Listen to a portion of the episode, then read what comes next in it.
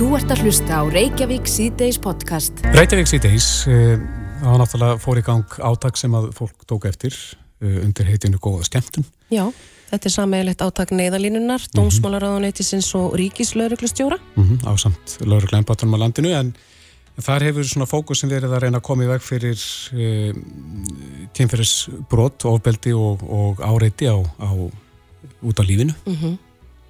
En nú að halda þessu áfram já, já. og svona þess að útvíka þetta en hún er komin til okkar Sigurði Björg Guðjónsdóttir, Ríkislauglustjóri, velkomin. Velkomin, takk fyrir. Þið voruð og eruð að íta þessu vöru þætti því að stækka þetta, þetta hefur verið svolítið einskorða við höfuborgarsvæðið en nú við að fara með þetta svona túra um landið, ef við getum orðað þannig. Já, það er rétt, þetta er semst í rauninni einhvers konar sjálfsagt framhald eða, eða viðbotar Uh, vitundavakning mm -hmm. sem að lítur á því að það er að byrja náttúrulega bæjar út í hátir og við erum kannski bara að minna á erum að búa til samstöðu um það að, að ofbeldi sé ekki hluti af þeim mm -hmm. og að fólk geti farið og, og skemmt sér án mm -hmm. þess að verða fyrir kynfræsofbeldi og það þarf í rauninni samhend áttak til þess að gera þetta. Þetta er ekki ekkert valdbóð, þetta er þetta breyting á menningu og margir hérna skemmtana haldar hafa staðið sér mjög vel í gegnum tíðina. Og þetta er ekki umræðið sem er nýja á nálinni Nei. en þetta er umræða sem þarf sífælt að endur vekja og minna á Er ykkur mæli hvarði komin á það sem að þegar hefur verið gert? Finnir þið fyrir árangri? Eh, við finnum fyrir eh, jákvæðni mm -hmm. og við finnum fyrir hérna, mjög margir sem hafa rætt þetta við okkur mm -hmm. og eru ánæðið með þetta og það er að vera að virka fleiri, þú veist það eru strætisvagnarnir, hjálpa fólki heim að vera hérna vakandi fyrir því sem að ef við komandi er mm. útsettur fyrir ofbeldi, það er líka náttúrulega skemmtistæðinir hafa verið mjög virkir og staðið sér frábæla þannig að við erum að vona og það er markmið með þessu, við erum að fækka kynferðsbrotum mm -hmm. en fjölga tilkynningum og við sjáum bara gróðustu brotin eiga sér staðum helgar og það sem er kannski kveikjan að þess er að við sáum það í COVID að þegar við hættum að skemmt okkur að þá fækkaði tilkynntum nögunum um 43% mm -hmm. En við hvaða aðstæður er, er mesta hættan? Það er skemmtarnalífið um helgar sem er með gróðustu brotin samkvæmt þeim tilkynningum sem við fáum til. Er það þá inn á þessum stöðum eða heima á sem eftir? Það er, er bara alls konar, kannski frekar heima á mm. staðinn hafa verið að standa sér betur áður var það að það voru brot inn á skemmtistöðunum til dæmis bara þurft að endum þetta aðstæður kannski hafa betri lýsingu, hafa salerni ekki langt frá og þess að þar og það er líka hlut af þessu að við tökum, tökum all höndum saman og, og Reykjavíkuborg hefur verið mjög líka virki í þessu samstarfi og öflug. Þannig að, en núna er þetta þannig að auðvitað eru stórar hátíðir framöndan mm -hmm. og mesta ferðahelgin og það allt saman. Og við erum í reyna, reyna að gera þetta með jákvæðam hætti. Vitundavakning, minna á það að kynfyrirsópildi er ekki hluti af því að skemta sér og reyna að bara já, vekja fleiri passa upp á hvort annað já, passa upp á hvort annað og, og allir skemmti sér vel mm -hmm. það sé bara góð skemmtun í sömar en ekki já, afleðingar sem fólk er síðan að glíma við eftir á, eftir á. Mm. Þið eru það virkja fleiri segur þetta eru strætarsónu bílstjóra og leigubílstjóra og slíkir eh, hvað, hvað getur almenningur gert? Jú, það er bara að tilkynna, bjóða fram aðstóð, spurja, mm. er allt í lægi, eh, til dæmis bara þegar núna eru lauglustjóra landsins að skipula ekki bæðarháttíðnar, mm -hmm. að það sé einmitt hort og skipula með hlýsuna því að það sé, sé hérna ekki svæði sem eru kannski til þess fallin að, mm. að eitthvað gerist, það er svona horfat aldrei heildrænt á þetta og líta á þetta sem eitt af þeim verkefnum sem við erum með, það er að passa að það er aðstæður skapist ekki, að fólk sé beitt ofbildi mm. og að við séum að horfa á að það sé bara einhvern veginn einhvert norma það sé mörg brot eftir svona helgi þá bara ekki að vera þannig Eru þið líka hveita til þess að fólk auki hérna gæslu á svæðanum? Jú, þetta er bara hluti af þessu öllu saman, ja. þetta er bara partur af því að tryggja öryggi þeirra sem er að skemmta sér. Lögreglan ánáttúrulega er að reyna hérna, ekki alltaf bara breyðast við þeim glæpum sem að eru framtíð, heldur líka að reyna fyrirbyggja brot. Og það er það sem, að, og það er það sem hefur verið mjög gott samstarfum við hérna, þessa viðbörðarhaldara undarfæran ár mm -hmm. og þetta er bara eitt af því sem er skoðað í því samhengi. Það er náttúrulega verið líka bara allskins aðstæður sem verið er að skoða umferðamál og fleira er að reyna að passa að allt gangi greiðlega fyrir sig og hluti af því er að, er að reyna að, að hérna, búa til þá að auka vitundum það mm -hmm. að kynfyrirsopildi sé bara ekkit einhver sjálfstæður hluti af því að skemta sér. Akkurat. og svo þannig að ná til þeirra sem að stunda þessi brot að, að reyna að breyta þeirra hegðunarminstri á einhvern nátt. Já, þar þurfum við að byrja að fræða og við erum að fræða meira. Og það er svona sem hafinn talsverst fræðsla til þeim sem stafrænt, ofbeldi og fleira. Þú veist, það er að koma nýja reglur, við þurfum að ná til ungu mannan okkar og við þurfum að, að, að ungu strákan okkar og við þurfum líka að hafa þá einhver úrræði fyrir þá. Og það er verið að horfa á þetta heildrænt líka. Og horfa á þetta áður en þetta gerist, ekki alltaf bara vera að breyðast við aðstæðum eftir á. Ertu bjart sín á að þetta virki? Já, ég ætla bara að leifa mér að vera bjart sín vegna þess að þetta er ekki bara, ef við ætlum að ná árangri, til dæmis þið sjáu bara hvað hva er umræðan var til dæmis um úlingadrykju fyrir mm. talsvist mörgum árum sem var bara stort vandamál. Þetta er eitthvað sem að með samfélagslega átaki tókst að minka verulega og, og nánast bara komið veg fyrir. Já. Þannig að ég held að við ef við ákveðum að gera þetta og fólk skilur þetta mm. og tekur þátt í þessu og við gerum þetta saman, þá haf ég bara mjög miklu að trúa því að við getum hvað sem er, við sjáum það hvað við erum öflug, mm. við sjáum það í COVID, við sjáum það bara þegar við mætum mætum hindrunum og vandamálum og þá stöndum við saman og ég, mm. við erum í rauninni bara þessir aðilar, dómsmálaráðanetið, neyðalínan og lauruglæni landinu að benda á að þetta sé eitt af þeim verkefni sem við þurfum að standa saman vörð um. Þú sagður okkur áðan, segir þér að það er, eru tilkynnt tvö brót á dag. Eða meðaltali, já, sjáum við það. Hvað leysir, hvað, hvað lokar lauruglan mörgum stíkum álum á, á dag? Kasti... E eða erum við að tala um að stappin hann bara stækkar? E, stappin hefur stækkað því til að það hefur bæði fjölgat tilkynnubrótum en það var líka þannig að COVID stoppaði eitthvað af verkefnum það hægði á þeim og við erum að vinna það upp. Það er klár forgámsröðin hjá Dómsmálarhóndi og ríkistjórn að breyðast gegn hérna, kynbundna ofbeldi. Og það eru mjög margar aðgerðir í gangi til þess að fjölga úrraðum, hlusta á þólendur, það verður að breyta lögjöf það eru mjög margi hlutir í gangi en þetta er ekki málefni lauruglu einverðungu eða málefni, málefni þingsins, þetta er málefni okkar allra. Mm. og með því að þetta sé málefni okkar allra þá er hægt að breyta því. Þess vegna eru við að fara í þessa vitundar vakningu samhliða er líka áallinum að styrkja kynfyrirsbrótar ansóknir mm -hmm. og hérna, fjölga ákærendum einmitt að taka líka forvarnar þáttinn sterkar og svo framvis það er fullt af hlutum sem er í gangi en ein og sér gerum við þetta ekki Nei Við hvetjum fólk til þess að taka þátt í þessu átæki með ykkur. Góða stjæmtun heitir það. Sigurður Björg Guðjónsdóttir, Ríkisleifur stjóri. Við erum helgina. Já og líka þetta er hvaða næst stæðst að ferða helgi í sömasins. Það er svo mikið um að vera, Já. út um allt. Bildjan er náttúrulega og verður mm -hmm. á Akureyri, mm -hmm. á mhm. morgun Bildjulestin í bænum. En það er meirum að vera við aðeim land. Og við viljum náttúrulega vita hvernig veðrið verður. Það er sjálfsögðu og fyrir þá sem við viljum alltaf goða veðrið þá þarf að hafa þær upplýsingar á hreinu. Akkurat. Siggi Stormur er á línu, kom til sæl. Já, komið inn og sæl og blessuð. Vi, við náum þér það ekki einangrun, COVID einangrun í hvað sumabústaði borgarfyrði? Jú, það ég lendi því núna að, að fá jákvægt út úr, úr, úr prófi og reynda bara í gær og, og hérna hann er að ég er ég er svona, uh, láta mig hafa það að vera í einu grunn, þetta ber mér að gera það og, og mhm. hérna og, og konan fekk þetta undan mér þannig að, að þetta er svona þetta verður bara þetta er bara svona svona lífið. Er, Ertu með helsu til að tala við okkur? Já, já, já, já, það er ekkit að mér. Það er, það er smá uh, smá svona hvef og, og það er upptalið. Já, já, gott að heyra.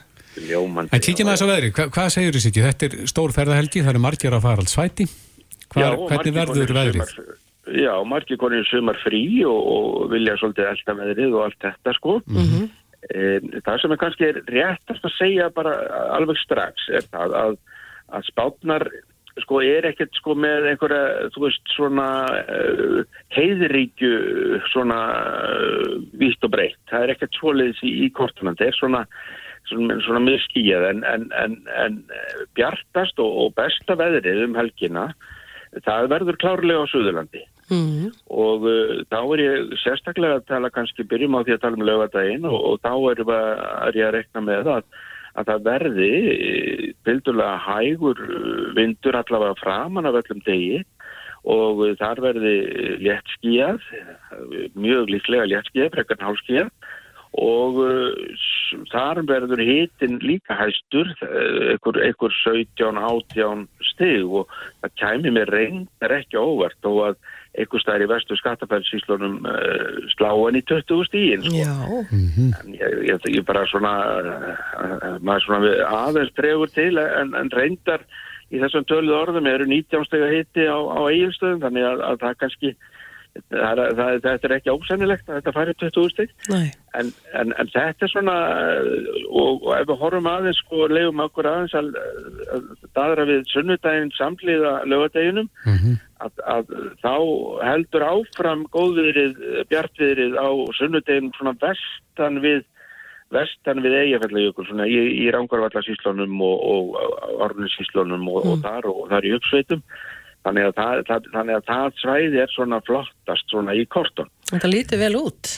þetta lítur bara mjög vel út. Síðan e, næst besta svæði verður þá e, að líkindum bara Vesturlandið, söðu vestur og Vesturland, þar verður skýja með köplum og, og ágætt hlýjindi, mm -hmm. tildulega hægur, þannig að, að það er, e, og það er, við erum ekki að tala um hérna úrkomu á landinu sem heiti getur, geta fallið úr stökku skúrir, en, en það er bara, e, sko, bara betra, sko, það er, það, það sem er, er, er vatn, það er líf, Já, og hérna, og en það er verið mjög lítil úrkomís, það það er nánast fáránlegt að vera að nefna það sko. En rétt að hafa í huga að það er náttúrulega stór viðbörður á Akureyri, þar eru mar, mar, margir, margir, margir ungir efnilegir fótballtamennar með skilst. Enn eitt mótið og bylgjulestin á svæðinu. og bylgjulestan á svæðinu. Og þar verður bara alveg ágætt veður á morgun sko, það, er, það er, verður ekki sólríkt en, en það verður samt kannski einhverja glennur Hann hangir þurr þá eða? Já, hann hangir að mestu þurr. Það er enda skúrir í, í núna víðum land í, í dag, föstu dag, en, en uh, morgundagur verður bara ágætur á Norðurlandi. E, þar verður hitatölurnar, svona max hitatölur eru kannski 11-12 stig. Það, en það er ágætt þegar vindur er ekki mjög mikill, sko. Og Östurlandi, þar verður svona uh, skýja, mest skýjað og, og þar eru mestu breytingarnar í farvatninu. Eins og vegna þess að á lögataskvöld eða annarkvöld að þá kemur bara lagið með myndarlegt úrkomisvæði, regnsvæði inn á austan og norðaustanvertlandi og það með vaksandi vindi og talsverðum vindi þannig að það er rétt að hafa það í huga þeir sem eru í, í, tjöldum og, og eða, eða fellísum eða hvað þetta heitir allt saman Hvenær eiga þeir að pakka saman? Nei, ég er kannski þeir þurfa þess kannski ekki en, en, en að pakka saman en, en, en, en bara að gera, gera sig kláran að, að, taka á móti þessu og, og hérna, þetta er ykkur 15 metrar sem maður getur farið í er, brestur þetta á, segir þú? Þetta er svona um tíu leitið á, á, á lögutaskvöld þá, þá fer, fer að gæta þessa, þessa mikla vinds við östuströndina og, og þessu úrkoma. En það bætir reyndar um nóttina í vind við um land og það er það sem að sunnudagurinn hefur síðan að móti sér svona miða við lögadaginn er að þá er komið stífari vindur um, um allt land og, og, og, og, og, og reyndar sínu kvassast á söðaustur og austurlandi rétt að hafa það í huga. Það, það er fyrst og fremst þar sem er, er svona, svona leiðenda veður, rigning og, rók eins og sagt er á góður íslensku og hittin einhver, einhver þetta er nýri í fjóra gráð til dæmis í kringum um, bópaskir og, rauvaröfn og, og þar í kring. Um nóttina þá eða? Nei, á sunnudeginum. Það er nú bara ekki herrið það. Þannig að það kólnar mjög á sunnudeginum þegar að þessi stífa norðanátt gengur inn á landi með þessar rigningu. Þannig að en þá er... Þá er bara fólk komið heim aftur, er það ekki? Já, já, þá tekur það bara saman og, og, og leggur á stað og, og, og ekkert mál en, en, en um leiðu það komið niður í, niður í borgarfjörðin og, og á stæðbilsnessið eða, eða, eða sögða já, bara þanga niður til vesturs að þá, þá batnar veðrið og, og, og það verður bjart á sunnudeginum um sunnanvertlandið og, og, og bjart með köplum vestendir. En Siggi, þú segir það kvessi, e, verður það kvast að, að við vörum fólku að vera að ferð með aftan í vagna? Fellísa í hjólísi? Veistu það, ég, ég er eiginlega alveg einmitt við það, þá grensu, já. Það er þannig að það er þannig að eh, fyrir norðan höfn, höfn í höfnafyrði eh, á svæðinu frá höfn og nor norður úr til, til, eh, til austfjörða að þar geta myndast þetta norðastanátt og geta myndast snarpar kviður. Þannig að er rétt að hafa það, já, ég myndi allavega sko helst, ég myndi ekki vilja vera á, á þvælingi með, með, með hjólísi til dæmis í slíkum að þegar það skjótast yfir 20 metra og, og, og, og þessi sé enga svakalega kviður en þá, þá er rétt að við erum alveg við grensuna, já. Mm -hmm. Ertu farin að sjá hans lengra fram í tíma, svona rétt í lokin, uh, restin já. af júli? Já, sko, júli er nú svona að reiknast svona heilt yfir í svona veðulagsbám, bara svona mell og mánuður, svona meðal, verður svona meðaltalsmánuður. Það er, er enginn sérstök atrið í veðulagsbánum sem að svona kasta, kalla fram miklu aðtegli á manni þetta er, er svo eitthvað svona, þetta er svona meðal, meðalmennskan uppmáluð og, og hérna. En á mánudaginn að, að, að þá verður svipa veður, það verður fínasta veður á Suður og Vesturlandi í björtu veðri og hægum vindi til þess að gera en, en áfram einhver, einhver úrkoma norðaustast. Og svo á þriðjúdaginn að þá er þurkur um allt land og, og hérna og bjartviðri umsunnan og, og söðvestanvert landið. Þannig að, að, að, að svo aftur á miðvíkudaginn að þá eru horfur og rytningu um allt land eh, þó að það sé ekki á sama tíma á öllu landinu. Mm. Þannig að, að, að það eina sem skikir á þetta er auðvitað að fá svona vind en, en hitin fyrir norðan þarf að fara að hækka Já. og ég er að vinni í því. en þetta lítur nú allt uh, ágætlega út og, og við erum mjög ána með að heyra það að það skiptir í lengum máli hvert við förum. Það er allstaðar nokkuð gott um helgina. Já, það, það er svona. Ég myndi hafa varan á mér kannski ef ég ætla að vera lengi fyrir austan fram á sunnitaginn.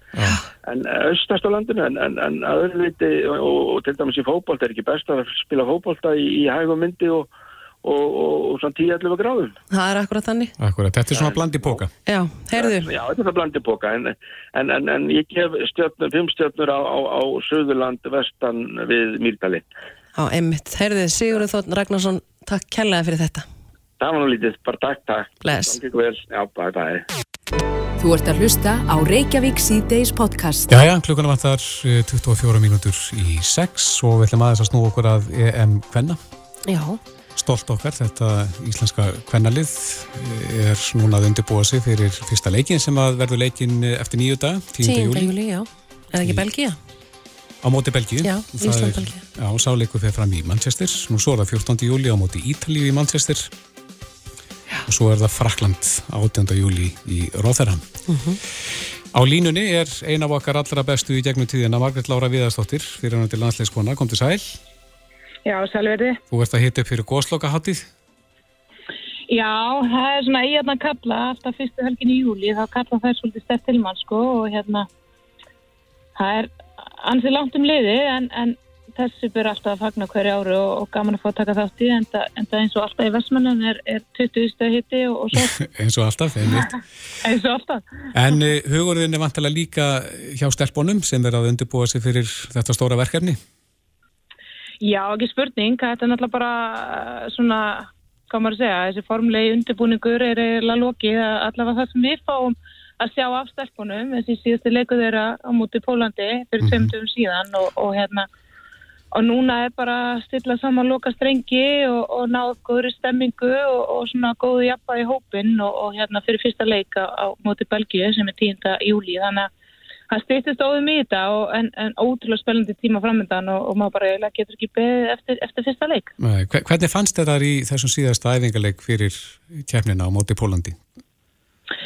Sko, mér, það er ótrúlega erfitt að rýna oft í svona síðustu leiki fyrir kefni. Þetta er ofta trikki leikir, sem maður segja, en alltaf bæði fyrir þjálfur og leikmenn. Leikmenn svona, þó að þessu stelpunum alltaf fara alltaf og gefa allt í alla leiki að að þá er, er það auðvitað þessi undir meðvitundinni að engi vil missa úr og detta úr, úr og síðustu stundu vegna meðslega annara þannig að, hérna, að, að það hefur mjög líklega eitthvað svona smáæli áhrif á leikmenn og, og sömulegis með þjálfarliði að við erum ekki að fara að uppljóstra okkar, okkar dýfstu lendamálum svona síðasta leik fyrir, fyrir EM og við viljum halda í okkar leini vop mættarlega og, og hérna og svona kannski sína ekki endilega okkar allra bestu hliðar og, og sérlega svona, eins og först leikadri og annað sem er, er náttúrulega okkar, okkar að styrkleiki og við teljum okkur vera heimsmáli hverða það er. Þannig að við viljum ju koma eitthvað óvart líka. Þannig að þetta eru svona þessi síðustu leikir að auðvitað eru leikmenn að hérna, koma upp mikilvægt bara að fá upp spilformið, þú veist,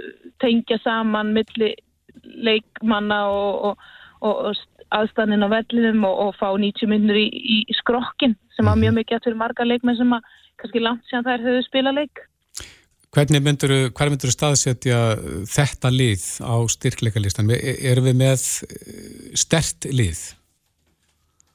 við erum klálega með mjög stert lið, myndi ég segja, við erum alltaf með óbúslega vel manna lið þar að segja líka bara aldurslega séð, við erum með leikmenn, hvað ég held að sé þrjú, fjóru leikmennana sem eru að fara til dæmis og þessi stór, fjóruða stórmót. Og ég menna það bara að ná fjórum stórmótum í líftíma fókbaltakonu eða mannskilu, það er bara stórkvæmslegur árangur. Þannig að hérna við erum með óbúslega mikla reynslu en svo erum við líka með ótrúlega ungar eh, stelpur, rosalega frambarilegar og flottar og eru farin að spila í, í bestu limi í Evrópu og, og, og er náttúrulega svona farið sitt fyrsta mót en hafa þó hefur mikill reynsla að búa bara að spila í þessum evróska bolta. Þannig að við erum ótrúlega vel mannalið, vel samsett, aldurslega séð uh, og, og ég, nefna, ég held að við erum bara betri eftir smá líður. En, en við meðum ekki gleyma því hérna þjóðunar líka í rosalega sótt Belgia, Ítalja þetta er kannski ekki hafa verið undanfæra náður kannski staðstu þjóðunar í kvennafókbóltanum en, en bæði þessi lið hafa verið að fá rosalega flott úslit í aðdraðanda þessa móts og, mm. og, og hérna eru í mikilvæg sókt sérstaklega Ítalja þannig og svo Frakland alltaf eitt af bestu þjóðum heims þannig að við erum jú með frábært liðin hinn að þjóðuna líka þannig að þetta verður bara æsinspenndi. Hverjir eru möguleikar okkar í þessum riðli? Ég tel að vera bara mjög góð að við hefðum klárlega geta lendi í flóknari og erfiðari riðli. Fyrstu tvei leikinni fyrir mér er bara leiki leikinnir okkar. Belgia fyrst, síðan Ítalija, þetta er bara tvei leiki sem verðum að fá stig út úr ef við ætlum að, að, að komast upp úr riðlinum. Við vitum það alveg að frakkarnir eru eitt af bestu lögum mótsins, þó eru mikla breytingar hjá þeim, það er verið að yngja svolítið uppliðið en, en Frakland er bara stór þegar hvernig hópálta og framleiðir endast og góðan fópáltakonum þannig að það er verið að erfið við að eiga en, en hinn hin af tvær þjóðunar myndi ég segja var 50-50 leikir, Ítalija náttúrulega eins og sá miklu sókn en, en við eigum, við eigum klálega mikla möguleika á, bót, á móti báðum þessu þjóðum en fyrir mitt leiti bara eins og alltaf þarf Ísland að eiga toppframistöður í öllum leikjum á lokamótum til, a, til hana árangri og ég menna það er bara þannig með kvennalið og kallalið og verður um ókomin áhrendi. Já og svo náttúrulega hvetju við flesta sem að geta það að, að fara út og hvetja þér. Það hlýtur að skipta miklu máli að hafa stuðningin?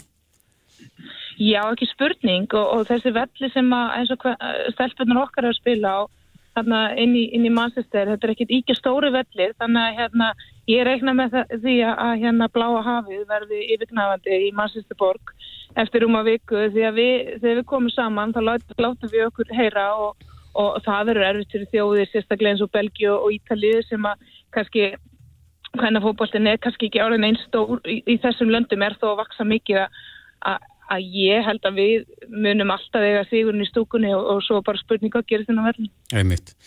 Við fáum að leita til einn þegar hann er dregur. Margrit Lára Viðarstóttir, bestu hverjur til Eija. Kæra þakki fyrir spjallið og góða helgi. Takk fyrir það, sumulegis. Þetta er Reykjavík C-Days podcast. Þetta núna í, í langan tíma?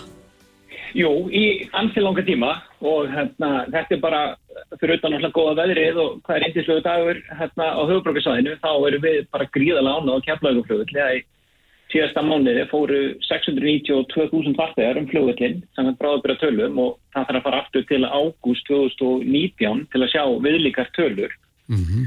og við erum 12% yfir þeirri spá sem við gáum út í byrjun mæ þannig að það er bara gríðalega bjart framöndan og það er mikið að gerast á vellinum og mikið kvöldi sem ferum á hverjum degi og þetta er bara gríðalega skemmtilegi tímar sem er hér í gangi.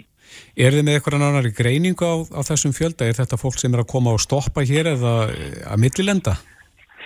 Það er meiri ásókninum áttum voni til og frá landinu og örlíti minni í tengitrafikinu. Þetta er, er ekkert stóra tölur sem, sem munar en þetta eru greinlega annarkort ferðamenn eða íslendingar á ferðinu til og frá landinu. Við höfum eftir að greina það betur með ferðastjónustunum og okkar mm -hmm. hagaðilum á næstu vikum en það eru örlíti meiri umferð til og frá landinu en við bjögumst við. En við höfum líka heyrt af vandraði með eh, mannahald á flugvöldum viða í kringum okkur. Hvernig er staðan hér á, á keflagurflugvöldi? Hún er náttúrulega bara, sérstaklega í samanbyrjunum, bara mjög góð. Við höfum verið með byggtíma í mæ og júni hérna, á flugvöldinni hjá okkur, uh, vopnaleitinu undir 5 minútur fyrir 92% affarþegunum. Uh, það hefur gengið vel í innrytun. Við erum náttúrulega í framkvæmdum, þannig að það sem hefur verið kannski aðeins að senka okkur kannski um 5-10 mínútur í innrýtturinni hefur aðalega verið tengt í að við erum að uppfara búnað og, og erum í framkvæmtum á svæðinu en við sjáum svona heilt yfir, þá eru gríðarlega velmönnuð og okkar hérna, viðskipta fjarlagar og allir samstagsæðar á fljóðullinum eru svona til til að sáttir en það er náttúrulega erfitt að setja allt í gang þannig að fólk er að vinna gríðarlega mikla og góða vinnu á flugvöldinum og við bara byrjum farþegar sína örlítla byðlund eða tekur örlítið lengri tíma. Það er allir að gera sitt besta alla daga. Ég get alveg lofað eftir því. Maður hefur oft hýrt það frá pyrruðum farþegum sem koma til landsins að þessi flugvöld eru löngu sprungin, húsnaðið alveg út úr korti. Hvað getið þið cirka tekið á móti mörgum farþegum til þess að gott reynist? Er þið með eitthvað tölu við það? Já, við höfum talað um það svona áður að áður um að fórum í, er, fórum í þessa framkvæmda reynmi sem við erum með í gangi núna að flugvöldurinn eins og hann er hannaður í dag er hannaður fyrir í kringum svona 67 miljónir farþega að hámarki og það er kannski ástæðan fyrir því að við hefum lagt gríðilega miklu áhersláða og lögum áhersláða í COVID að við myndum ekki stöðu uppbyggjuna á keflauguflugulli og fjármálar á þeirra stutti vel við uppbyggjuna með að auka hérna, uh, hlutafið í, í Savi á því tímapunkti. Þannig að við erum núna að byggja 20.000 þarmetra sem er 37% stækkun á flugstöðinni sem opnar á 2024 Þannig að það var líka stórtaður í framkvæmdum í dag að það var að byrja að reysa stálvirki að þessari framkvæmd. Mm -hmm. Þannig að við bara við vitum að við þurfum að halda áfram uppbyggingunum en þess að fljóðullurinn mun verða og lítill aftur eftir stuttastönd ef við hérna hægjum á. Já, en hvað er inn í þessari viðbót sem er verið að byggja núna? Hvað er þetta,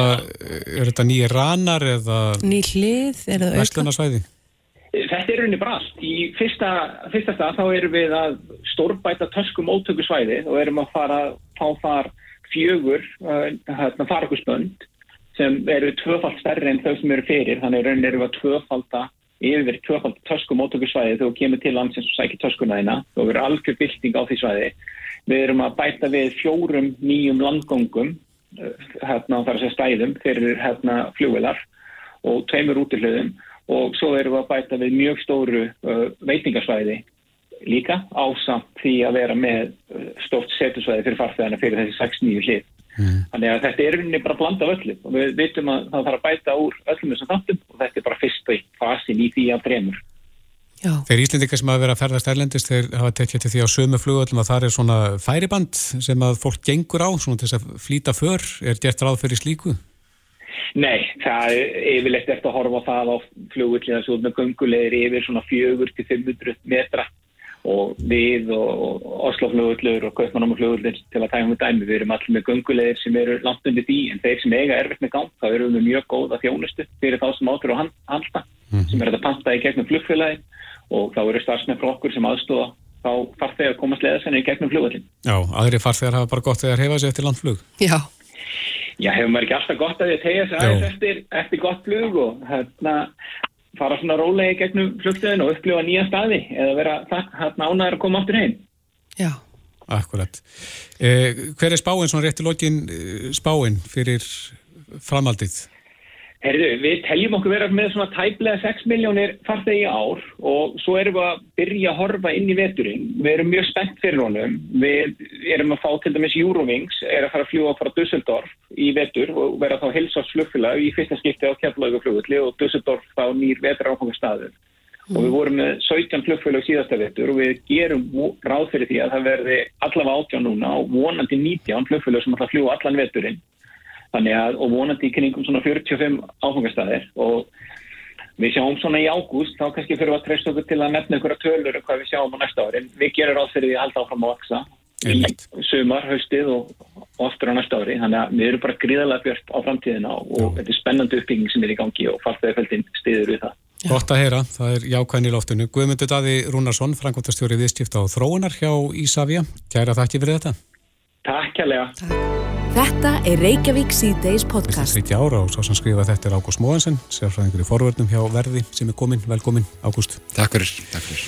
Já, ykkur kann að spyrja sko í COVID-faraldunum þegar við vorum reytin heim nánast, allir voru heima. Mm -hmm. Getur það að hafa dreyið úr innbrótum?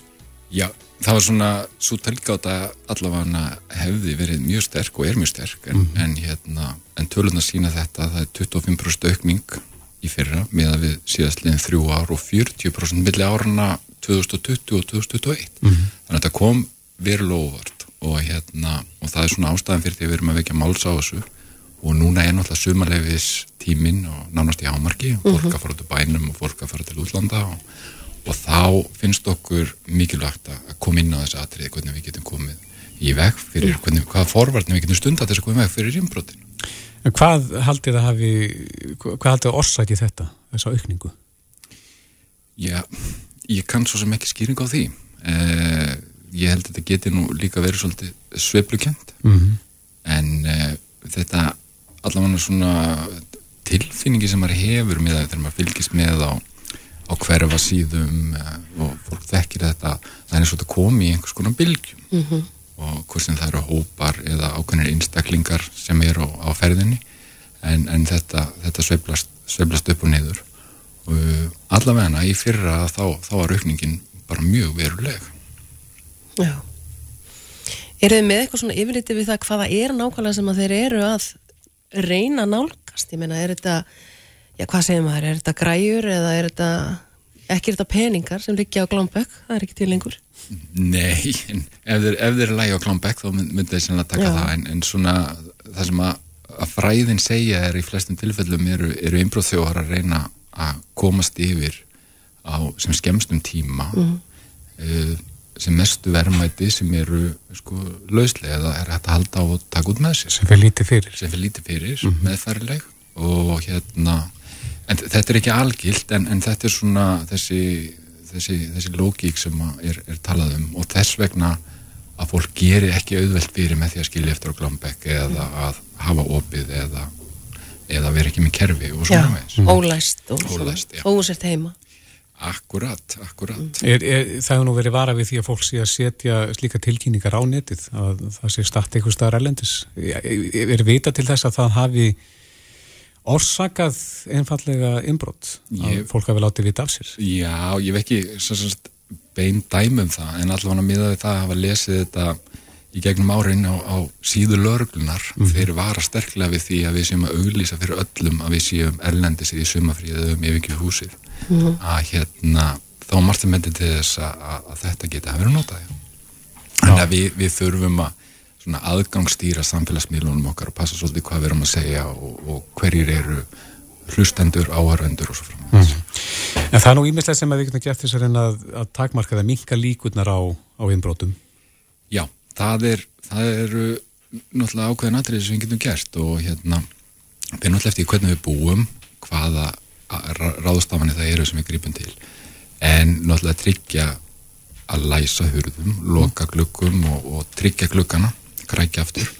Og hérna svo ef við erum lengi í burtu að þá er sniðut að fá eitthvað til þess að koma og líta eftir húsinu, jafnvel slá garðin allavega að taka postin, ekki gera það alveg augljóst að húsi sé yfirgefið. Að hérna, þessar, þessar ástafanir og svo eru náttúrulega kerfi mm þjóvarnakerfi sem að er að fá af ýmsum, ýmsum gerðum. Bæði með myndavélum, án myndavela sírennur, uh, hurðanjamar og, og, og þetta tengt stjórnstöð eða ekki tengt stjórnstöð. Ég veit að þetta gefur mörgum eh, sko hugaró líka að geta farið í frí og fá tilkynningu ef eitthvað gerist. Þannig að fólk getur verið svona pínu áhyggjur lausara í það minnst að í fríinu. Já, ég er bara samanlega því og ég held að það er alveg rétt vegna þess að, að þetta er þetta er óþægileg tilfinning. Uh, þeir sem að ef einhverju er lent í innbroti tala um að þetta er sko, þetta, þetta er bæði fjárslegt tjón og tilfinningalegt tjón. Uh, einhver kom inn í húsið þitt Gramsaði dótunniðinu. var að grams í dótunniðinu og hérna fór í gegnum hlutina þína þína prívat hluti og þetta er bara virkilega ónota tilfinning sem fylgir þessu. Hefur þið heilt um fólk fyrir ekki, hefur þið heilt um fólk sem að, sem að hefur flutt eftir, eftir innbrot, hefur ekki getað hugsað sér að búa?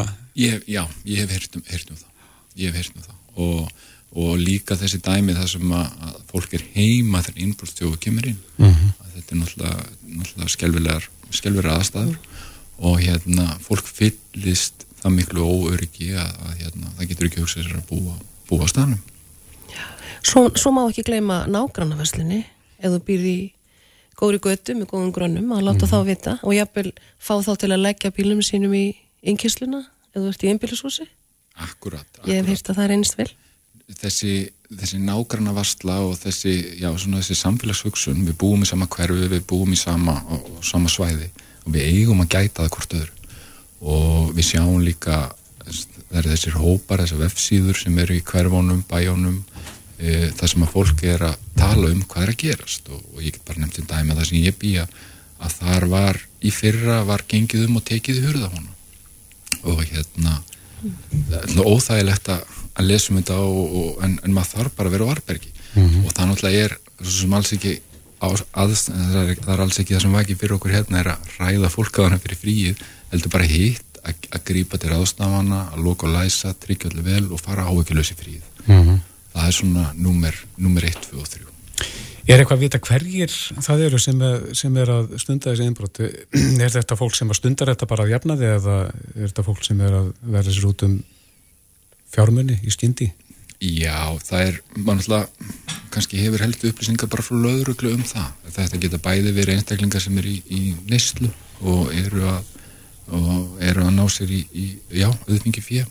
En þetta getur líka verið skipulað, starfsemi, skipulað bróta starfsemi og það er alveg þekkt að hinga hafi komið hópar til landsins með bara einhvers konar gengi sem að bara eru að brjótast inn og gera þetta skipulega og, og hérna það er þá hlutir og fyrir sem bara flutt úr land og við sjáum aldrei aftur mm. Mm.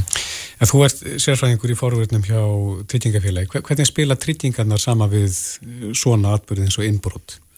Eh, það er flestir eru með hérna innbústryggingu sem er hluti brunni vatn og innbrot sem er hluti af einhvers konar heimilisvend sem að hérna er bara mismunandi hvað fólk hefur valið sér eftir því hvað, hvað, hvernig það býr, hvað er margir í heimili hvað á að fjö og bara hvernig þeirra aðstæðar eru og hérna Opin gluggi frí en hann eh, ykkur ábyrð?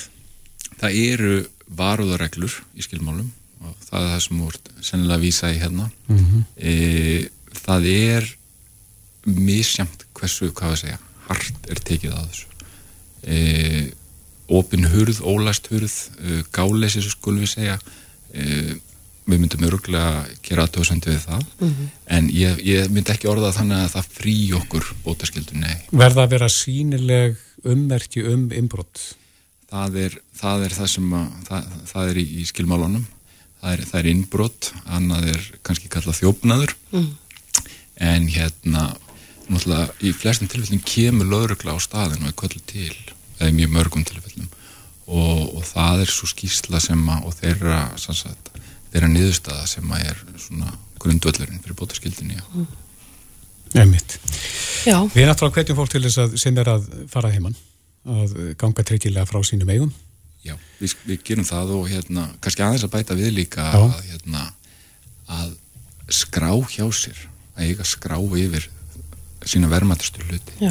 Uh, og það er fullt af hlutum sem er óskilamunir hjá lauruglega sem er kallað, sem er aldrei sótt. Já. og hérna, þannig, málverk, hingar, ættargripir, taka myndir af þessu, taka niður seriálnúmer af hjólunum okkar, hafa smá, smá skiplaga á, á, á, á eigum okkar það, það getur hjálpa til við að náðum tilbaka Einmitt. Fínar ráleitingar hér Ágúst Móðinsen, sérfræðingur í forverðnum hjá Verði. Kæra þakki fyrir komina Takk, Takk fyrir Takk. Reykjavík síðdeis á Reykjavík síðdeis á Bilginni podcast. Heim. Já, þannig að aðgengi verður Já, mjög auðvelt fyrir ímsa hópa að vera þessu náttúrulega áfengi. Já, og manni finnst einhvern veginn fólk uh, skiptast í tvo helminga þegar kemur þessum árum Já. sem eru hlindir þessu en, og segja þetta sé bara nútíminn. Já, það sé þróun hér og þar í heiminu. Já, einmitt. Og svo er það hinn sem að segja að þetta bóði ekki góða lungu. Uh -huh. e, og það hefur reyndar heist e, úr hodni S.A.A. varandi þetta og þeir eru ekki hrifnir af þessum áformum um heimsendinguna. Á línunni er Anna Hildur Guðmundsdóttir, nýtjörinn formaður samtakana, S.A.A. kom til sæl. Já, komið sæl. Já, hvað sjáu þið því til fyrirstöðu að, að selja áfengi hér eins og gert til annar staðir? Já, við höfum bara talið að aðgengja áfengi er bara ágætt á Íslandi og hefur bara verið að þróast bara ágættlega hér heima finnst, finnst okkur sko. Mm -hmm. Þannig að það að vera að leita þessi netverslun, það lofar ekki góðu, af því að þá náttúrulega, þá er við svolítið að missa þetta úr höndunum á okkur teljið við og, og er einu aukið aðgengi eigur vandan á okkar mati.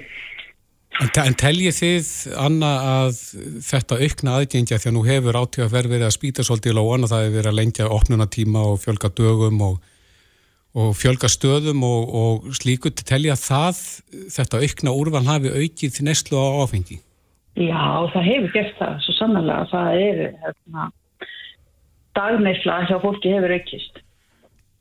Sem að þið tengið þá beint við aukið úrval? Já, eða bara neyslu aukið aðgengi? Íslandinga er að breytast auðvitað líka en, en aukið aðgengi bara, það, það, það felur alltaf í sér aukna neyslu, það er bara þannig. Mm. Hjá, þú talar um aukna hvað, eh, notkun á áfengi, hvaða hópar er þetta sem að aðalega þið sjáið? Ég, það er náttúrulega mjög mikið aukin neysla bara hjá miðaldra fólki og, og fólk eldra fólki, það, það er sá hópu sem að, að neyslan hefur aukist mest hjá. Þá fólk sem er hægt að vinna þá eða? Já, líka bara mínum aldursótt til dæmis, bara ég, nú er ég 50 og, og, og neysla í- frá 20 og upp úr hefur aukist. En sjáu þið það hjá ykkur þá í, í aukinni tíðinni innlagna eða? Já, já, við sjáum það mjög vel þar. Af því að það er líka sko, þess að áhældur mjög góða tölfræði um mm. alltaf það sem koma inn til okkar. Og 62% af þeim sem koma í fyrsta skipti í meðferð á, á vóg, er, þar er áfengi aðal vímugjafi. Og 65% af þeir, þeim er í dagnist. Já, hver, hver er stýringin á þessu heldur þið? Ég held bara hvað, ég veit bara nei ég veist, ég veit ekki, það er bara svo margt samt, við, við lifum í rosalega söðu samfélagi og svo mikið einhvern veginn að gerast og, og það er bara kannski miklar kröfur og ég held að þetta er svona svo margt sem að kannski bara spilar inn í Er þá fólk að nota áfengi til þess að deyfa sig eða? Já, bæði og, og, og hérna, og svo er þetta mjög fljótt að fara úr böndun. Þú veist, þú, það, það, það ætlar sér enginn að þróa með sér raskulisma, það, er, það er þannig. En, en svo bara svo er þetta svo fljótt einhvern veginn að breytast og áður hún veist að ertu orðin háður þessu. Þú ert orðin háður því sem gerist þegar þú ert að drekka. Í spæði þessum þessari vímu sem kemur og tekur svo mikið frá þér í upphafi en, en á sama tíma skapar alveg rosalega mikið af því að, af því að, að það vita allir um þetta sem að þú veist, ef maður er að byrja að drekka á finnum aðra, svona þeir lótti úr maðunum og manni líður rosalega vel, en, en svo kemur kvíðin og svo kemur þunglindið og svo koma afleðingarnar. En Þannig að Anna, þú talar um að þið sjáum mjög fljótlega svona, já, breyttar tölur og annað slíkt. Ég, er, sjáu þið, já, breyttar tölur í kjölfar af COVID til dæmis? Hefur það eitthvað komið inn á bort til ykkar? Já, ég er náttúrulega innlagnir og, og, og þetta breytta neyslumistu náttúrulega breytist. Við náttúrulega vorum öll sendt heim í, í tvö ár og náttúrulega minga í neyslan og er sjáanleg neysla mingaði og við sjáum það líka bara í samfélaginu, það var miklu minna af alls konar, það var svo lítið í bóði í raun og veru, en svo bara er þetta alltaf að rjúka upp núna, sko. En var Við fólk ekki bara heima að drekka þá í, í COVID? Já, ég, það var alls mikið um það held ég sko, að fólk bara satt heima og, og drakk og þá náttúrulega verður vandin ósýnilegur. Já. En, en nú hefur maður líka heyrt það annað fyrir ekki að, að þessi hópur sem að er kannski fagnar því að geta pantað áfengja netinu Mhm. uh, að því að þú talar hann um eldri borgara sem að, sem að eru í auknum mæli að svona snúa sér að dagdrykju Mhm. má þá líka spyrja, er þá ekki betra að þetta fólk fái áfengi sendt heim að því að fólk verður sér út um áfengi hvernig sem það gerir það að það fái áfengi En sendt heim frekar en að við höfum þetta fólk út í umferðin að ná sér í áfengið Já, þú ert líka í raun og að íta undir rosalega einangurinn á sama tíma. Þá fer fólk bara alls ekkert í grúsi. Nei, en það er þá betra Þá að fólk fari einangrar þá á bílnum og ennþá sækja meira. áfengi Já, eða fólk, það er ekki allir sem keira undir áhrifum. Fólk er líka að fara með leigubílum og fólk er líka veist, að láta aðra skuttla sér og svoleiðis. Það er ekki allir sem að fara út í umferðin og, og keira. En, en, en þetta ítir undir þess að félagslega einangurinn. Og hún Já. er ekki af hennu góða, heldur. En for, eh, hérna, ræðist þið það kannski líka að eh, fólk undir lög, eða krakkar undir lögaldri og svona geti misnotað þessa aðstöðu einhvern veginn með því að panta þetta á netinu? Nei, mér skilst að þú, þa- þú þarft ráðan skilur ekki eða ekki? Og þú þarft einhvern veginn að ég hef ekki, ég hef ekki farið inn á þessa síður en, en þú getur náttúrulega alltaf fengið einhverja til þess að panta fyrir þig. Það er nú þannig líka þú veist, þú kannski það, ég, það sem er mér finnst einhvern veginn í kringum þetta þetta er ekki náðu skýrt einhvern veginn. Og, og þetta, þetta ítir undir misnotkun Mhm. myndi ég segja. Einmitt. En uh, þessi aukni uh, hópur þarna, hópur sem stækkar af dagdrykkjufólki segjur sem er svona í, um miðjan aldur og þar upp úr. Hvernig náðu það að koma til móts við þennan hóp? Er, er, eru langar, eru bygglistar hjá okkur? Nei, sko, það er engin byggtími fyrir fólk sem er í fyrsta skipti. Þá er svona, þá ringir og pantar, eða svona pantar innlögn og það, þá kemst inn á cirka tveimur vikum sem er ekki, er engin byggtími. Síðan er svona meðal byggtími er, getur verið svona 40-50 dagar að þú hefur verið að koma áður til okkar sem er heldur ekkert rosalega langur en, en. En þú getur alltaf sóttir þjónustu í göngutild, fengið tíma hjá ráðgjafa og, og, og búið til eitthvað plan meðan þú ert að býða þá eftir að komast í innlögn eða, eða fengja aðstóð bara í prógrami í göngutiltinu þegar við erum líka, það er ekki allir sem fyrir að fara í inniligjandi meðstæð, þú getur líka að fara í grunn meðstæð í, í göngutilt þannig að það er margt í bóði fyrir þá sem að vilja hætta í mistu. Einmitt. Já, En uh, svona rétt kannski aðeins í lokin, hefur þið heyrt eitthvað í fórsvarsmönnum heimkaupa? Svona, Nei, nei, ég, nei, nei, ég, þetta er- ég er náttúrulega bara með það sem ég sé í fjölmjölum og, og það finnst mér bara, að mér finnst það líka að vera að slag hratt. Já. Það er einhvern veginn, þetta hefur náttúrulega oft komið upp í umræðinni uh, einhvers konar breytingar á þessu, uh, en þetta, það hefur alltaf samt stoppað. En nú einhvern veginn bara gerist þetta. Þetta bara, já, finnst, sko, þróunin er mjög hröð núna. já. Já, það verður athyglisvert að fylgjast með hvernig þróunin og þessu verður, Mm Samanlega. en við vonum náttúrulega það besta. einmitt. Já. Anna Hildur Guðmundsdóttir. bara að það komist í tísku að vera étrú. Það er náttúrulega það sem er skemmtilegast. Já, það eru na- æ fleiri sem að kjósa áfengislösan lífstíl, það er alveg rétt. Já, já, það er bara innhjálpsvíkt líka. Akkurat. Anna Hildur Guðmundsdóttir, formaður S.A.A. Kæra þakki fyrir þetta. Herru, takk sem að leiðist. Hlustaðu hvena sem er á Reykjavík C-Days podcast. Í danskefni á Spáni. Já, San Sebastian, alþjóðleg eh, danskeppni. Já, og þau er að raka að sér velunum og á línunni er uh, hún Helga Ásta eigandi danskompani. Uh, Komdu sæl. Hæ, hæ. Er, það er eitthvað velunafending, er það ekki að fara á stað, þannig að við gætum mistið. Jú, það passar við, hún er bara að þetta sinni, ég stakka aðeins til með Já. þannig að hérna, En þessi góði árangur ykkar hefur vakið mikla aðtekli. Hvað, hvað hafið þið þarna úti unnið til margara veluna? Við höfum sem sagt unnið gull, silfur og brons og einnig höfum við uh, svo tveir, hópar frá okkur tekið fjóraðarsæti en hérna úti er sem sagt er til unnið fyrsta til sjötta sæti. Sem, að, sem, er rauninni kallað upp í, í lókvæðsflokks og hérna á fyrsta til sjötta sæti gefa sem sagt svo kallið svona landstig þannig að Ísland fær þá stig í heldina þannig að þetta er bara þetta er alveg trublaður árangur og ótrúlega gaman að sjá hópin uppskera eftir ótrúlega mikla vinnu.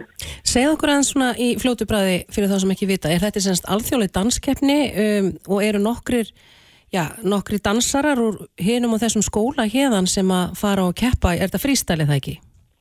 Já, þetta er sem sagt uh, keppni í, í listan sitt, þannig að hér er bara alls konar, hér er ballett, jazz, sjódans, strídans, step, það er bara alls konar og hérna, það eru tíu íslenski dansskóla sem er að keppa hér, það er þetta í borgarleikum í, eða var hún í mars og hérna var það valið í, í landliði og hérna eru bara tíu ótrúlega flotti skólar að keppa frá, frá Íslandi. Og þú ert eigandi og, og aðal kennari það ekki danskompani í Reykjanesbæ. Takk fyrir, jú. Hvað eru margir krakkar á, á þínu vegum þarna?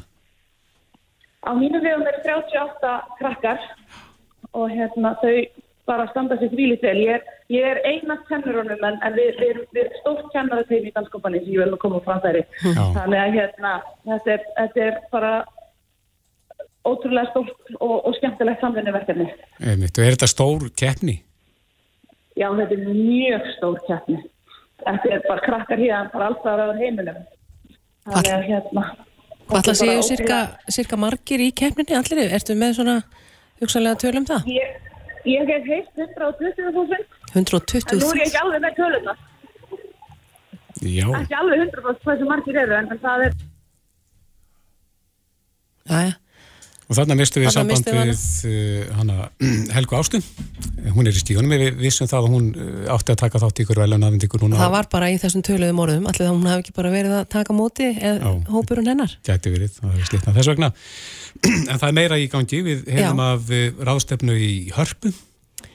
Það sem Já. er verið að ræða atvelli dýra. Já, Þessi ráðstefna heitir Nordic Animal Behavior Conference og uh, við erum að reyna að ná sambandi við þannig Malli Þorlaugstóttur sem að uh, Já, stendur þess- fyrir, já. já, stýri þessari ráðstefnu og er Malli á línunni, kom til sæl.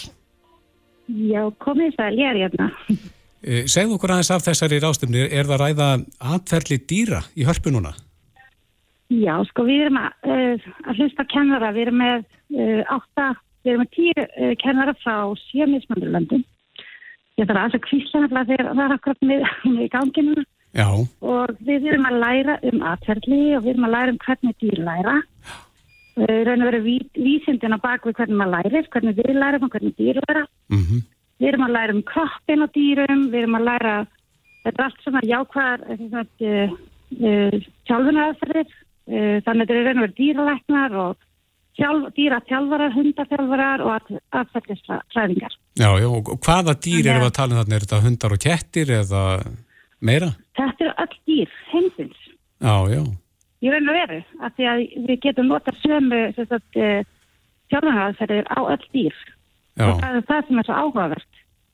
Erum við alltaf ég- að læra meira og meira malli um dýrin? Eru þau, þau skinsamlegri heldur en margir halda kannski? Og stínugri? Já, þau eru það. Ég til dæmis ég er að tala mikið við, þess að það er mjög algengt um að fara á svona, hvað sem er hænsna, uh, þess að þjálfa hænsni. mm. Hvern, Og það hvernig er er? verið rosalega erfitt. Það er mjög erfitt af því að hænsni eru svo, það eru svo rosalega velgefna og það eru svo fljótar að læra að það er svo auðvelt að gera mistök. Af því Já. við erum í raun að vera setni til heldur en þær. Og það, fólk er rosalega erfitt með að, að trúa í. Hvað er hægt að þjálfa hæ- hænur í að gera?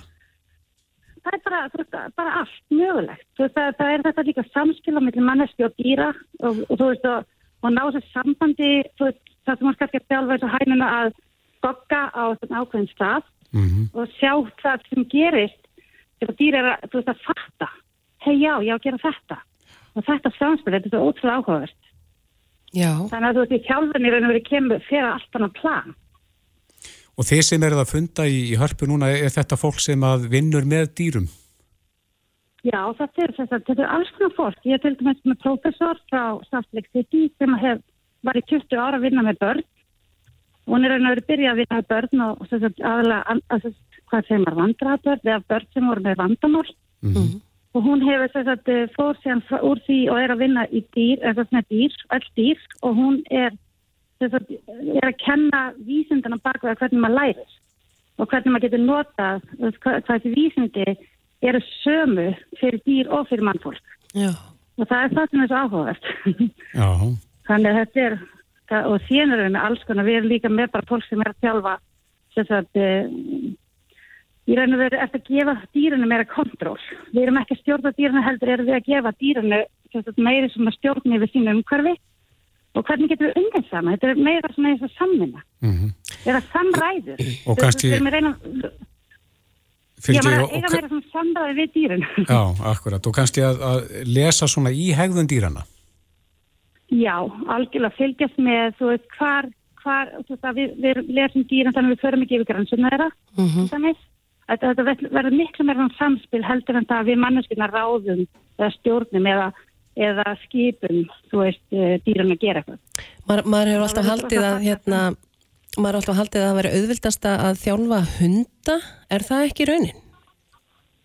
Nei, það er svo fyndið að ef þú fylgist með hvað er gert í dýragörðum e, út um allan heim, þá er það þjálfa ljón til þess að koma upp á þess að hérna, þetta er girðingun eða geitinu, e, setja þess að hérna, mjöðmina upp að það sem að dýragan geta tekið blóðpröfur.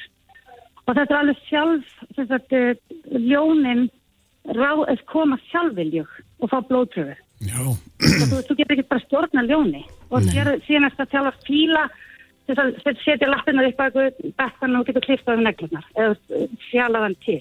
já. Þannig að það er svo áhugavert að sjá hvernig við getum og eins og kvali.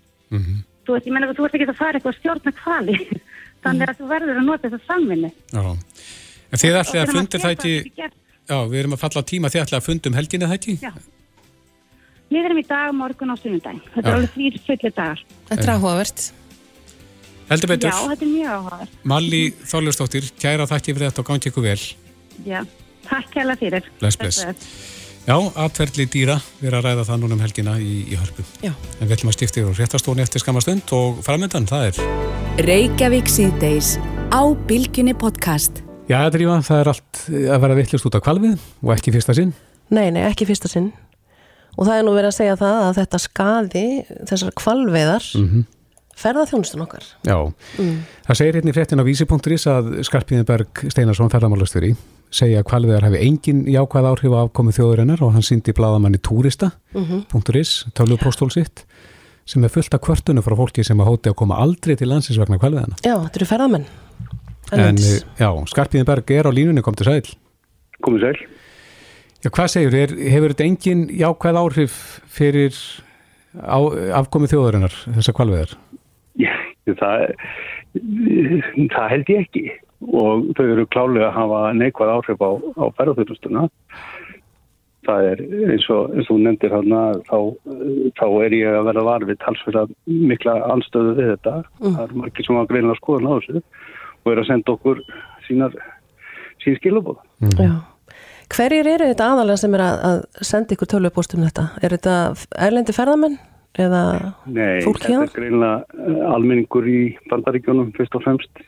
Mm Þannig að þau tölvubóstur sem ég hef lesið. Já, en, en þetta er ekkert nýtt að nálinni skarpiðin, er, er, er anstaðan meiri núna, finnur þú fyrir meiri anstöðu heldur en áður? Í, sko, nú hef ég nú ekki mikið samanbörðið því, en, en, en það er klálega talsverð mikið anstæða þarna. Og, og mitt sjónamöf er bara það að, að hérna, þetta hefur neikvæð áhrif, þetta hefur neikvæð áhrif á og, og núna, og kannski finnst að þetta hafa áhrif á þá sem að hefðu annars komið yngar höst og vetur og mun, það er mjög vant að missa þá ferðan. Mm. En nú spyr ég eins og margir velta fyrir sér, hvað er verið að veiða mikið hverju sinni þegar að vertiðin hefst? Hvað er við, mikið af kvölum? Já. Nú er ég ekki sérfræðingur í kvalum, ég er bara að segja sko, að, að hérna, þetta er að hafa áhrif á ferðarþjónustuna, það er engin spurning. En er þetta eitthvað að skarast þar að nú erum við með fyrirtæki ferðarþjónustu sem er að sína kvalina og, og er að sigla með ferðamenn að, að þessum svæðum en, en er verið að veiða kvalin fyrir fram að ferðamennina, hvernig er það?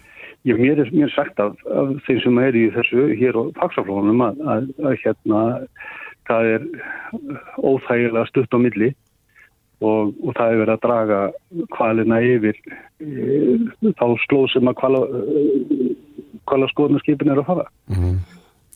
Þetta, er, þetta er ekki, þetta blandast ekki vel. Nei, það gerir það ekki. Nei. En uh, þessi, þetta fólk sem er að senda þér steiti, þetta er aðalega bandaríkjumenn, segir þú? Já, þetta er fyrst og náttúrulega bandaríkjamenn og sem hafa bara miklar, er, er, er, miklar ágjur sína af þessu og, og hérna finnst þetta ekki vera trúverðugt að, að við sem erum að selja náttúru og ósnortna náttúru og við séum að við séum að drepa kvali mm. og ég get alveg skilið það sjónum Já, þetta skarast svona á Já, það, það er það, er það. Meina, okkur, við erum að selja aðganga þessari náttúru og, og hérna, já, kvalverðinu fari ekki vel saman við það En uh, telur að tekjurnar af kvalviðum uh, nái ekki þeim skada sem að, sem að verður út af kvalviðunum? Ég held að uh, það sé nú nokkuð einfalt að álekta sem svo að, að ef að þetta fer að hafa einhver velu áhrif á eftirspurni eftir Íslandsverðum og þá, þá get ég ekki ímynda mér að tekjurnar af, kvalviðum sé neitt í líkingu við það sem að við höfum tapa á, á, á hérna ferðarþjónustum. Skarpján, hefur þú viðrað þessar áhyggjðina við ráðamenn sem að taka nú ákvarðinir um kvalviðar? Nei, ég hef nú ekki gert það sérstaklega. Það er ekki á, sérstaklega á, á, á könnu ferðarmálastofu að, að hafa áhrif á, á kvalveðar. Það eru sjálfum bara með því að láti ljós svona uh, skoðun eins og ég er að gera. Ég, mm. ég er bara að setja þetta í samhengi, kvalveðarnir samhengi við ferðarþjónustuna og, og svona hvað er framöndan í ferðarþjónustuna. Já. Já, þannig að þetta er úrelt æmintýra mennska eins og stendur hérna. Hvalviðar eða hvað?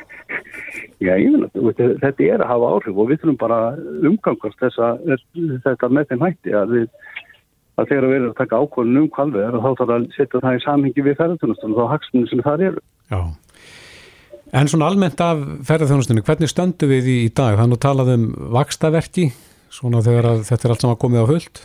Ég, ég ætla svona ekki að tala um vakstaverki, við erum, að, við erum ekki búin að ná þeim fjölda sem, að, sem var hér fyrir COVID. Nei. Það vantar svona einhver staðar já, 10% til þess að ná þeim tölum sem voru já, í sömum mánuðum fyrir, fyrir COVID. En, en þetta er vissulega réttir blöyt og ég held að almennt verði þetta gott ferðarsumar En getur við tekið að móti öllum þessum fjölda sem er að koma? Er, er nægum mannskapur í það? Já, já, já, það held ég. Það er, þó að það hafi verið uh, svona einhver erfilega við það að fá fólki vinnu uh, í vor og vetur að þá hefur ræst úr því. Það eru ennþá einhver vandamálin en þau eru, þau eru ekki á þeim skala sem við vorum að bárast í augu við e, í vor. Þetta, þetta vandamáli er í öllum löndum Európa og, og hérna, þannig að það er erfitt að fá fólk í vinnu í þessum bransa og það er bara alltaf í Európa Já Já, Skarpíðin Berg, ef við snúum okkur rétt í lógin að því sem við byrjuðum á þetta með kvalveðarnar, myndir þú vilja sem ferðamálastjóri að það er þið sett stopp á veðarnar? Sko, það er annar stjórnvalda að taka ákvörðum hvort það eru kvalveðar eða ekki. Ég er bara að benda á það að þetta er ekki að gera nýtt fyrir ferðarþjónustuna. Nei, en, en spurningin er, er þetta að gera eitthvað eða ekki neitt eða, eða er þetta að vinna ferðarþjónustunni skada?